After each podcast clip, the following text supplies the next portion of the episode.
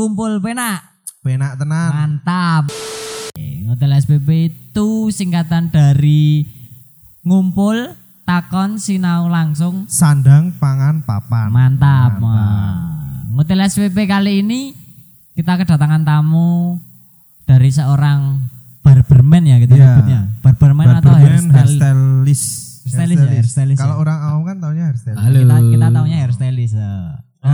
Hairstylistnya teman kita apa ya namanya Iya. Tommy Saputra ya. Maputra. Maputra. Oh, Maputra. Maputra. Bukan mas, sekarang udah ganti mas. Udah ganti apa? Tombo hati. Oh, Tombati. Oh, Tembati. Jadi Mas Tommy ini dia adalah seorang hairstylist yang bergelut di bidangnya itu udah lama Mas semenjak tahun 2013. Sampai Belum sekarang. belum mas, sampai belum. sekarang. Belum. Kalau belum. 2013 itu dulu masih sebagai apa, apa namanya hair grooming produk dari suatu produk ya kan namanya pomade yang dia tuh tidak jauh-jauh dari barber juga sih pomade itu. Jadi lebih tepatnya bukan di hairstylist, hairstylistnya masih di tahun setelah 2013 itu. Lebih tepatnya di 2016, terus 2013 itu masih di hair grooming itu. Jadi di pomade. pomade, pomade. Nah, Bedanya apa tuh Mas? Hairstylist, hair grooming, Sama, sama hairdresser. hair- hairdresser. Kalau hairdresser itu dia kan eh, orang yang intinya hairdresser tuh semua rambut. Jadi jadi dari potong, dari keramas, kerimbat, terus ada yang cuci, blow, semua itu namanya hairdresser. Kalau hairstylist itu adalah orang yang mem- membuat style rambut atau membentuk apa ya istilahnya tuh merombak rambut yang jelek menjadi bagus. Nah itu hairstylist. Jadi kan hairstyle. Style itu kan gaya lah kan. Nah, hairstylist. Kayak vokalis ya kan. Jadi orang yang memvokali kalau hairstylist orang yang membuat rambutnya nyetil. Oke, yang menyetel. kalau hair grooming nah itu hair grooming itu beda lagi.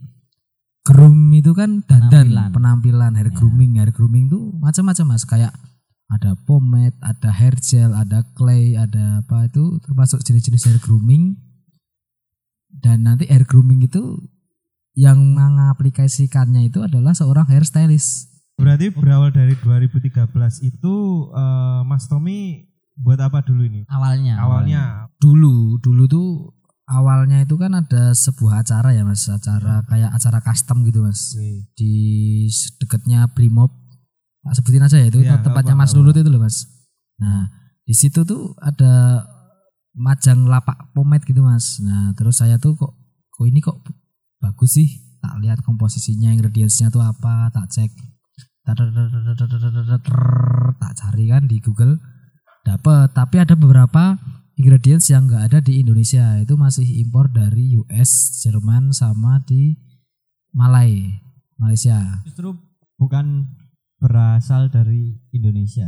ada beberapa yang dari Indonesia tapi juga ada beberapa ingredients yang nggak nggak ada di Indonesia jadi harus impor dan Bahan-bahan itu tadi. ya dan Oh, pada tahun iya, itu iya. tuh masih sulit mendapatkan bahan itu yang ada yang yang punya bahan itu cuman pemain-pemain besar yang di Di- Jakarta sana itu yang udah yang udah produknya udah besar udah partai besar udah banyak lah intinya dah udah skala pabrik. Nah itu baru dia punya bahan itu. Dulu saya kan masih skala rumahan dan bisa dibilang home industry.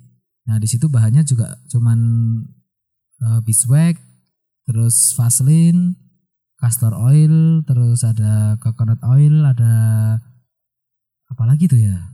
Wah banyak sih mas sebenarnya. Tapi itu barang bahannya lokal semua tapi.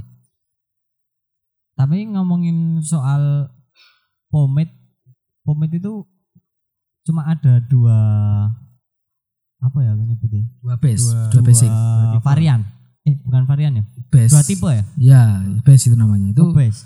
oh, jadi sebenarnya itu nggak cuma dua mas Base kita. pomade itu wah itu bass jadi itu namanya basic kalau pomade itu ada sebenarnya nggak cuma dua maksudnya kan yang dimaksud mas Dika ini adalah water base sama oil base gitu Ya, kan itu. nah Tauku sih cuma itu. Apa ada lagi selain itu? untuk basics ada oil base, water base sama satunya hybrid. Hybrid itu jadi perpaduan antara oil sama water.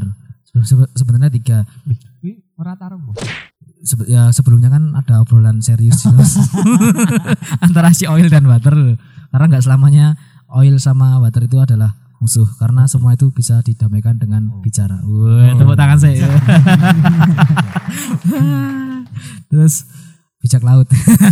Nah, oh, baca. Terus untuk bas- basicnya itu jadi ada oil, water, sama hybrid. Terus tapi di dalam oil water itu ada lagi nanti yang namanya clay. Clay itu adalah eh pomade tapi dia tuh karakternya kering dan itu bisa juga basicnya oil, bisa juga basicnya water, bisa juga hybrid. Jadi banyak Fleksibel bisa bis- bisa dibikin semua basic. Berarti sebenarnya emang untuk clay berkembang itu. ya pomade juga mas. ya? Berkembang dan dan untuk saat ini tuh mas- udah ada lagi malahan produk baru itu bukan cuman pomade namanya powder. Jadi powder itu Kayak bahan baking enggak? wah itu soda mas baking soda Powder ora baking soda. ayo aku guys kok. Mah baking soda. biar muni baking powder soalnya aku wis tak batin jauh-jauh hari. Sekarang tuh ada Varian produk baru. produk baru dari powder, eh, produk baru itu powder. Powder itu juga sebenarnya efeknya di rambut sama kayak clay. Karena powder itu sejatinya wah sejatinya itu adalah eh, bahan utama dari clay. Nah itu diambil powdernya aja terus tinggal ditaburkan di rambut rambut jadi kering dan mudah diatur gitulah intinya cuman powder Oke bubuk. bubuk ya nek powder itu bubuk mas dari zaman. Fir'aun itu Itu Inggrisnya bubuk mas.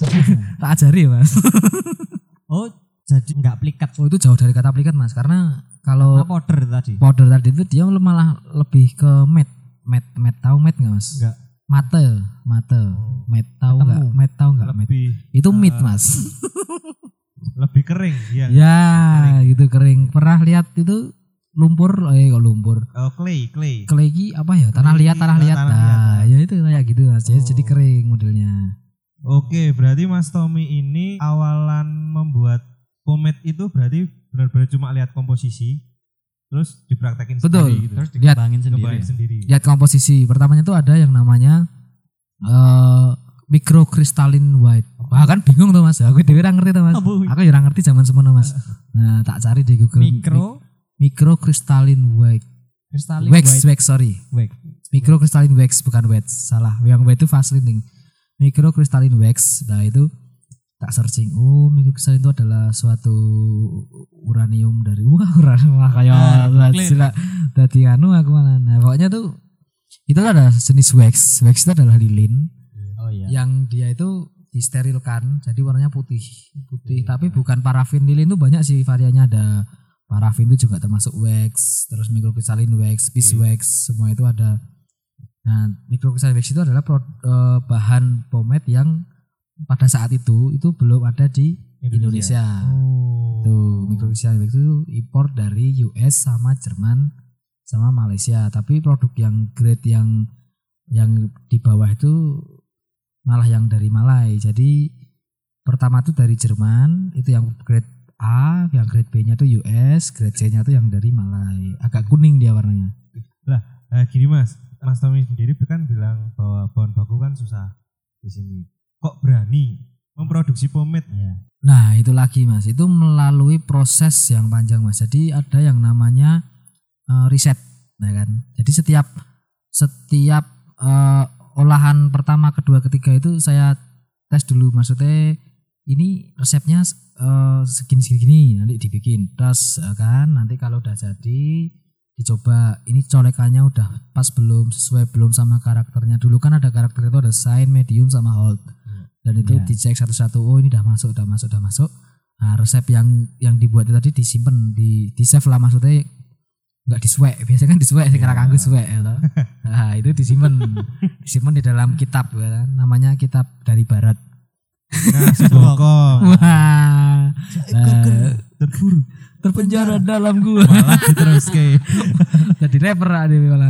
Nah terus di situ mulailah produksi dan dulu eh, platform iklan pertama wedan itu adalah Facebook. Oke, ya, Facebook 2013 ya Mas. ya? Itu Facebook itu Instagram itu belum ada yang namanya IG, IG.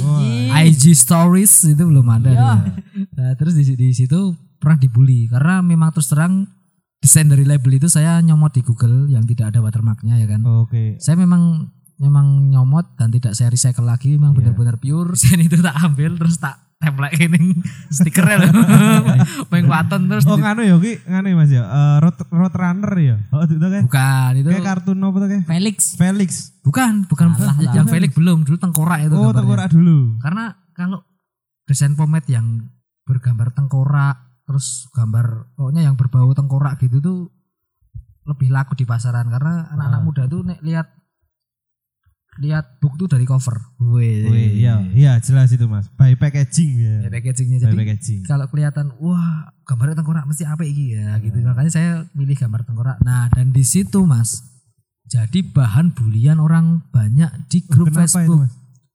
ternyata tuh nyolong ini malu ada yang tahu kalau itu dari Google mas conangan ada nih padahal aku dulu kerukupan kemul nah telu cuman kemul telu. Kerukupan kemul dulu bisa konangan mas. Nah langsung ada yang dulu belum ada screenshot kan gambarnya dikirim. Nah, ini kok sama kayak di Google buah aja. Aku langsung dengan dulu kan aku masih penakut mas. Sekarang ya penakut mas yang jadi itu takut kalau di di apa Dibully. dilaporkan. Bukan bukan dulu Oh. dilaporkan terus nanti kena denda. Iya. soalnya zaman dulu kan nggak punya uang mas saya. Sekarang juga masih. Nah itu takut kalau nanti denda berapa juta itu langsung saat itu juga eh, produk yang udah kesebar itu tak relabeling lagi Oke. tak relabeling lagi dengan label Berarti yang di, baru di- diambil lagi Mas yang Ditarik. udah kesebar, ditarik. enggak saya yang bawa label ke tempat saya nitip itu tak labelin di situ Oh, slow ya oh underground gitu Pak. underground orang Nah. tapi efisien Efisien gitu. Daripada oh benar. Soalnya saya narik satu-satu dua kali kerja mas Berarti kan Mas Tommy itu di tahun 2013 itu sampai tahun berapa Mas?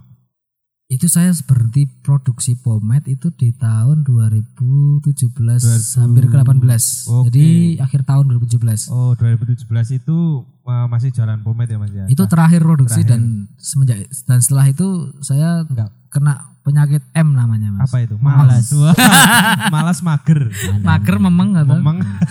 megai Nah, megai Mas Tommy habis itu kan Mas Tommy kan buka tempat cukur nih. Yang namanya Ordinado. Gimana itu sama Mas itu ceritanya? peralihannya gimana itu jadi gini mas awalnya kan saya titip pomade itu di barber-barber eh, orang-orang di daerah Nitian di Oke. daerah Gelagasari di Janturan di daerah mana tuh The Brito ngalor kayak mana namanya demangan Semangat. yang ada warnet plus plus tuh loh nah, itu. Oh, oh. Sin. nah terus di situ eh, ketika saya mau ambil uang setoran woi, nah itu pas ngambil uang tuh kan ngobrol-ngobrol mas kok ketoknya kok enak banget tuh motong waktu itu dapat bar pas dapat barber yang tarifnya 15.000 ribu kalau nggak salah wah saya bayangin uh motong untuk lima sewu ane uang sepuluh ya satu seket Lumayan ya. satu seket ewu sedino kerjanya ngadeg Wah. Wah, toh. saat itu saya mulai penasaran gimana sih caranya kok bisa ada apa namanya? Eh kok bisa ada? Gimana sih caranya motong rambut itu ya kan? Terus dikasih tahu tapi kasih taunya cuma sepele sih cuman ya ini ini ini lho iki lho ini memang di osrok-osrok wae ngono kae lho. wah ini memang rada nyelelek enak tekone osrok-osrok gitu aku tak maki osrok-osrok. Oh jadi maksudnya dia itu sepatunya atau guardnya dari clipper itu ditempelkan di kulit nanti tinggal digesek ke atas gitu. Terus di sampai muter setengah kepala gitu. Nah pokoknya cuma dasar-dasar gitu. Dan saya waktu itu tidak punya keahlian sama sekali. Yung saya belum pernah nyoba motong belum pernah nyoba nyukur rambut orang. Tapi saya berani buka barber. Wih, apresiasinya? Nah ini ini yang perlu ini Mas Tommy. Bener-bener eh, apa pun otodidak ya. betul. Iya. oh berarti enggak enggak les. Apa sih jadi enggak les? Kursus. Kursus, Kursus, oh zaman dulu itu kursusan di barber yang yang barber loh ya Iya. itu belum ada zaman Oh. saya dulu cuman adanya itu cuman kursusan salon dan itu besar besar kayak nama Rudi Rudi. Hadi Suwarno, Gitu. terus Joni Andrean, Ya, nah gitu. baru semacam itu zaman dulu.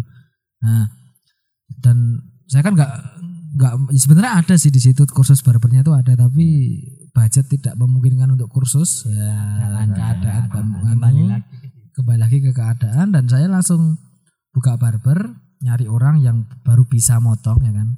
Terus dia motong di barber yang saya buka itu sambil sedikit belajar belajar belajar belajar. Dan dulu saya pernah pernah praktek orang yang saya buat praktek itu adalah eh violisnya vi- viola ya violis ya? Namanya? violisnya kopi luwak itu. Oke, berarti eh, untuk contohnya ngambil teman sendiri gitu aja. Biar Ya, kalau itu- salah itu enggak Orang muring-muring enggak jadi biar nggak kalau dimarahin. kalau salah itu saya punya trik mas gimana gimana? misalkan salah motong yuk ketik pesen ora iki can ngene iki mergone kowe nyawange saka ngarep nek saka samping ora Kali daerah sang matkes ke pinggir.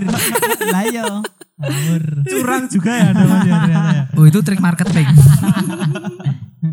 Eh, Eh, defend ya. Defend oh. Itu- Bertahan. Itu di tahun 2016 bulan September buka di perempatan PLN Oh itu pertama kali, pertama kali Ya. buka Mas Tommy di di perempatan PLN Selatan Lampu Merah itu tahun 2016 akhir eh ya enggak akhir sih September ya walaupun akhir akhir, akhir, akhir, akhir ya akhir. September. Nah, dan di situ udah jalan setahun ada temen dari Bekasi, dia buka barber di daerah Janturan dan barbernya itu mau ditinggal, dia selesai kuliah mau pulang ke Bekasi lagi.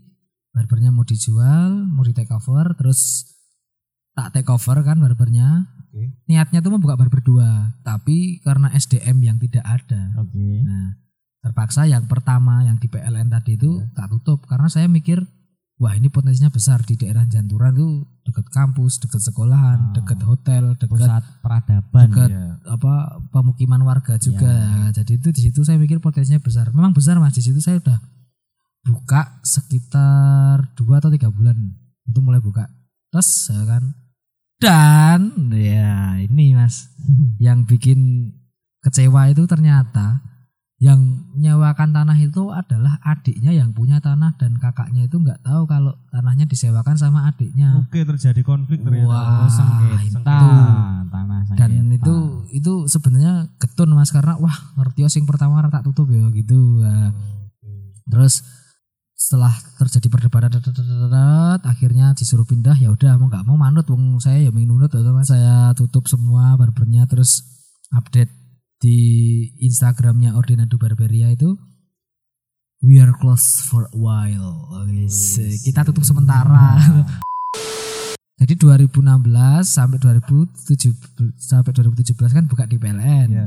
Nah, dari dari September, Oktober, November, Desember itu Januari itu ya, Desember itu udah udah tutup.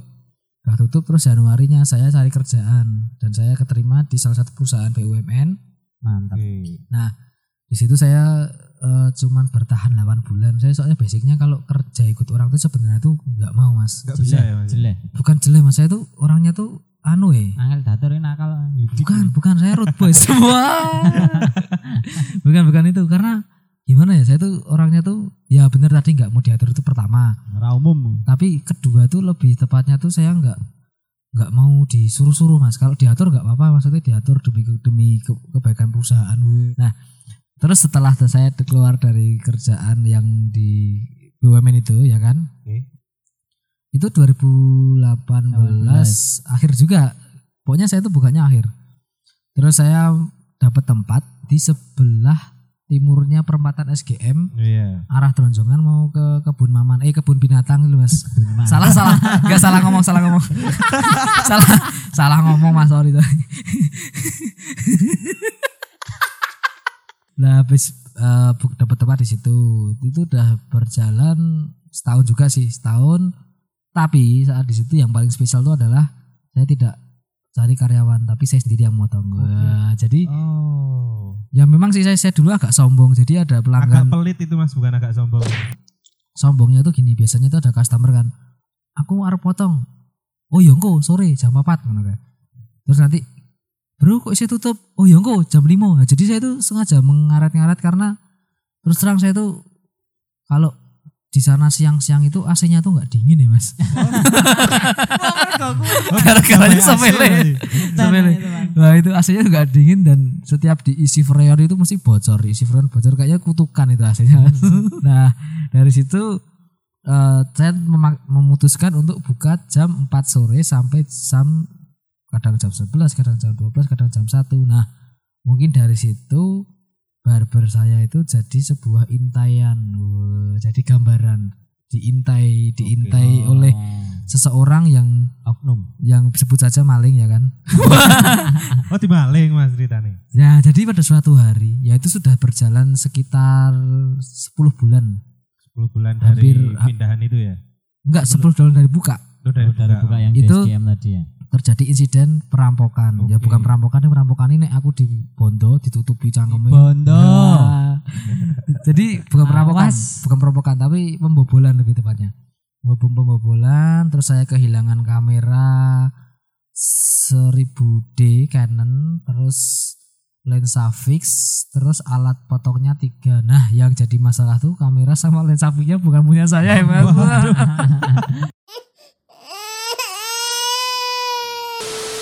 ya bingung nih alat ibaratnya wah rapopo lah yo. Sebenarnya harganya yo sepadan. Yo mahal semua sih. Oh sama HP sorry Ya, HP HP juga hilang. HP keangkut. Tapi dilalah tuh di situ barber tuh ada HP 3 yang dua tuh tak tutupi plastik yang satu tuh di atas etalase. Nah, itu yang ke gasak yang di etalase itu HP ikut keangkut karena karena waktu itu memang di bagian depan barber itu saya kasih sofa dan rolling doornya itu nggak saya tutup rapat. Oh. jadi pintunya tuh gampang dibobol masih jugil itu. Wong saya tuh pas sore mau buka lihat kok pintunya orang rapat kok bukaan sidik. Nah itu Jajur. darah saya tuh kayak pindah ke kepala semua tuh mas. Mak celeng wah. Jadi antara kaget mangkel emosi tapi wah piye loh kan mas Wah, itu bisa merasakan ya Iya, kan? iya. Lah, nah, terus saya udah mikir wah ini gak aman, gak aman, gak aman. Terus saya merombak bagian dalam barber, saya rombak untuk biar kursi sofa yang di luar itu bisa masuk. dalam. Jadi eh, saya gabungkan antara bak keramas dan kursinya tuh biar jadi satu. Jadi keramasnya udah nggak jalan lagi. Keramasnya langsung tinggal duduk, diputar kursinya terus disembalik kursinya, Mas Oke. Oh. ya. Jengatke. sengat ke ya. Terus di situ udah setahun ya kan. Nah itu ada ada problem lagi mas. Gimana mas? Nah setelah setahun buka, terus problemnya itu adalah pertama sewanya tuh tahu-tahu dinaikin mas dari 11 Nambah. juta. Itu Trik dinaikin jadi 15 juta. Nah, itu pertama. Nah kedua mas saya juga mikirnya tuh, walah aku ora buka lagi ora apa-apa gini mah kemalingan aku. Nah terus mulai dari situ, ah sama satu lagi mas kendalaku, airnya bau mas. Kok bisa ya? Mungkin dekat sama kebun binatang itu mas. Kebun maman. Wah salah kebun maman. Enggak, itu- tikus paling. Jadi itu nganu mas, apa memang daerahnya tuh deket limbahnya pabrik susu tuh loh mas. Oh. Nah, Oh. mungkin tercemar dari limbah itu, terus airnya jadi Padahal harusnya enak loh mas limbah susu itu. susu apa dulu? Mungkin d- dapat pelajaran dari yang kemalingan terus eh, sewa sewa rukonya juga naik. Terus ngatasi itu apa yang dilakukan sama Mas Tommy sendiri? Ya itu mas saya eh, pertama yang tak cari adalah cari ruko yang harganya murah. Nah, Bener asli. itu Iya, itu cara Iya, iya. cara membuat solusi biar nggak dinaikkan. Jadi ibaratnya murah misalkan dapat sewa 6 juta per tahun. Dinaikkan kan paling 7 juta ya apa kan gitu tapi nek Kera- Din- eh, 6 juta terus dinaikkan jadi 15 juta lah kuwi ngejak gelut manggon. Eh, banyak kan orang-orang yang buka usaha gitu terbit Oh. tenggelam gitu loh mas. Maksudnya cepet dia dia eh, bosenan. bosenan. Nah, Mas Tom ini kan udah berkecimpung ke dunia hair apa tadi? Hair, Hairstylist. hair stylist itu semenjak tahun 2013. 16 Hal- 16 16. 2016 ya. Oh 16. Maksudnya dari Pomet kan tahun. 2013. Oh iya Terus betul, betul. pindah ke hairstylist buka buka barber itu 2016. 16 ya betul. Nah, hal apa yang bisa membuat Mas Tommy itu tetap bertahan dan masih apa ya masih struggle di jalannya untuk wah aku pengen membuat uh, barber nih. Karena gini Mas, dari dulu tuh saya memang suka bisnis pertama ya kan. Bisnis apa aja Mas? Saya dulu SMA jual rokok. Oke. Di kantin. Udah emang emang oh, oh suteknya bisnis ya. Enggak, itu memang memang memang benar sih dulu. Nah, eh, dan lebih pentingnya tuh karena saya melihat potensi di industri barber ini tuh kayaknya untuk 10 tahun ke depan tuh masih bagus. Oke, iya. Karena Cuman kalau bicara soal eh barber ya, cukur rambut ya itu kayaknya nggak ada matinya karena Betul. Termasuk karena kebutuhan sampai pokok ya. sampai kapan pun ya kayak kayak kalau di Indonesia kayak nasi kayak pad beras Iya. gitu ya nggak mungkin tuh orang nggak ada yang potong Ya. potong Ya kan, rambut Ibarat kalau makanan tuh setiap orang pasti lapar ya dan setiap orang pasti gondrong. Nah, Nah. gitu. di dunia ini ada yang abadi nggak punya rambut sih mas sebenarnya. Siapa? Pak Ogah ya loh. modal boneka gundul wah. Ratu bu rambutnya. karo pinipin Nah itu Cilik terus nah. Terus pirang-pirang pirang pirang pirang episode TK terus. Ora SD SD. Ora SD SD. Gila. Ayo lanjut lanjut Mas Tommy. Gimana tadi? Ya itu karena eh, pertama saya lihat eh, industri barber ini untuk 10 tahun ke depan bahkan mungkin 20 tahun sih. Enggak cuma 10 itu banyak banyak diminati karena di sisi lain juga di zaman sekarang ini kan banyak model-model rambut yang bermunculan di Berkembang ya, Instagram. ya? Jadi kayak Korean Korean style terus eh, model-model tentara-tentara gitu yang trepes-trepes sampingnya itu kan semakin banyak. Kan berarti dapat kesimpulan kita bahwa sebenarnya apa pun yang dikerjakan kalau itu emang dicintai atau passionnya sebenarnya kan berdampak baik. Mungkin itu yang bisa Iya. diambil dari Mas Tommy. betul, Iya, betul. Iya, Tekun, Makanya tekun. dia dapat apa ya maksudnya lama gitu menekuni usahanya. Nah gini Mas Tommy ya, sekarang kan eh, di tengah pandemi ini kan banyak barber-barber yang eh, sempat tutup karena anjuran pemerintah yang emang kita harus jaga jarak Iya. dan dan tidak tidak berkumpul dalam satu ruangan dan lain-lainnya. Nah, gimana Mas Tommy menyiasati sebagai seorang barber agar tetap bisa bekerja dan juga agar tetap bisa menghasilkan menghasilkan di tengah pandemi ini? Jadi sempat Parno seminggu pertama. Seminggu pertama Parno terus eh sempat viral itu kan kalau Iya. masker langka itu masker langka gini gini gini gini. Tapi itu saya eh setelah itu tak tak ibaratnya saya bangel Mas. Wah, bangel balelo Balelo. ngeyel Ngeyel, ngeyel ngeyel. Ngeyel. Tetap saya buka. Saya buka tapi eh dengan masker itu loh Mas. Kain itu loh Mas, jahit Oke, itu loh Mas. Nah, karena waktu itu masker kan langka dan dijual mahal. Iya emang. Nah, Terus saya buka itu sepi Mas. Sepi. Iya. Karena mungkin orang-orang juga berpikirnya, takut dong wah aku main nang barber ki anu ya apa jenenge Karena wedi bersentuhan langsung, langsung ini ini ini. Nah, memungkinkan untuk apa tertularnya Tertular. ya betul iya. gitu.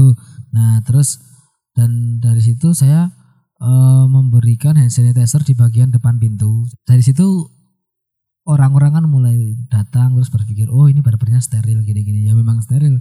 Terus saya sampai membeli alat semprot sterilizer barber itu mas seharga 250 itu, Itu cuma steril apa mas? pisau barber, Oh, apa pisau clipper oke. untuk gunting, untuk sisir itu cuma Oh. disemprot cuman hanya seperti itu mas gara-gara corona loh mas. Kayak bije ini. Ora terus terus. Nah terus habis itu eh dari situ mulai datang datang orang mulai nggak takut mulai nggak takut mulai nggak takut. Nah ditambah sama eh banyak eh influencer-influencer yang memberikan edukasi ka- Edukasi. edukasi bahwa sebenarnya corona tuh BB aja sih ya kan. selagi kita eh, Mm-mm. hidup sehat jaga kebersihan tuh kayaknya se- sebenarnya yang lebih bahaya itu wede. yang lebih bahaya itu adalah lacing mas itu bikin stres soalnya. corona tuh biasa aja sebenarnya itu Antisipasinya Mas Tommy adalah yang pertama menerapkan Kebersihan, kebersihan, standar kebersihan kebersihan. yang dikasih pemerintah. Terus selain itu Mas, kayaknya Mas Tommy juga menerima panggilan untuk rumah apa rumah ke rumah door ya? to door Door to door ya? Ya itu karena eh, banyak orang-orang yang enggan untuk pergi dari rumah. Eh, namanya delivery haircut, delivery haircut dan oke. itu saya ke mana-mana gitu bawa tas hitam itu isinya gunting, gitu. Oh, alat-alat pacul. ya mau sama serius loh sing harus serius malah deh. isine pacel loh gila Gini Mas Tommy, eh, pesan-pesan buat teman-teman gimana caranya tetap struggle di jalannya ketika membuat usaha. itu sih Caranya tuh pertama kalau mau usaha itu adalah suatu hal yang disukai, diminati dan dicintai. Oke. Pertama itu. Jadi misalkan eh, suka di bidang musik, ya di bidang musik, musik itu kan luas. Oke. Ada yang player, ada yang sound, ada yang panggung dan ada EO juga. Nah, Ya. tinggal dipilih mau yang mana. Nah, Terus misalkan di bidang apa? Kuliner. Kuliner tuh dia lebih suka bisnisnya atau lebih suka masaknya Ya. Atau Asa-asa. lebih suka sasa juga ya itu. Jadi kita harus memilih memilih mana yang dicintai dari usaha itu biar nggak cepat bosan. Namanya bosan itu pasti, Iya. tapi untuk menunda kebosanan itu pasti ada juga. Nah Hmm. gitu.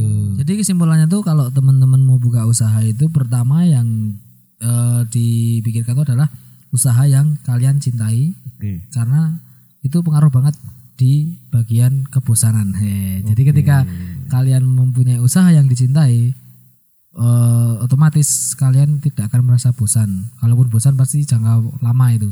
Oke. Itu intinya itu. Oke. Oke.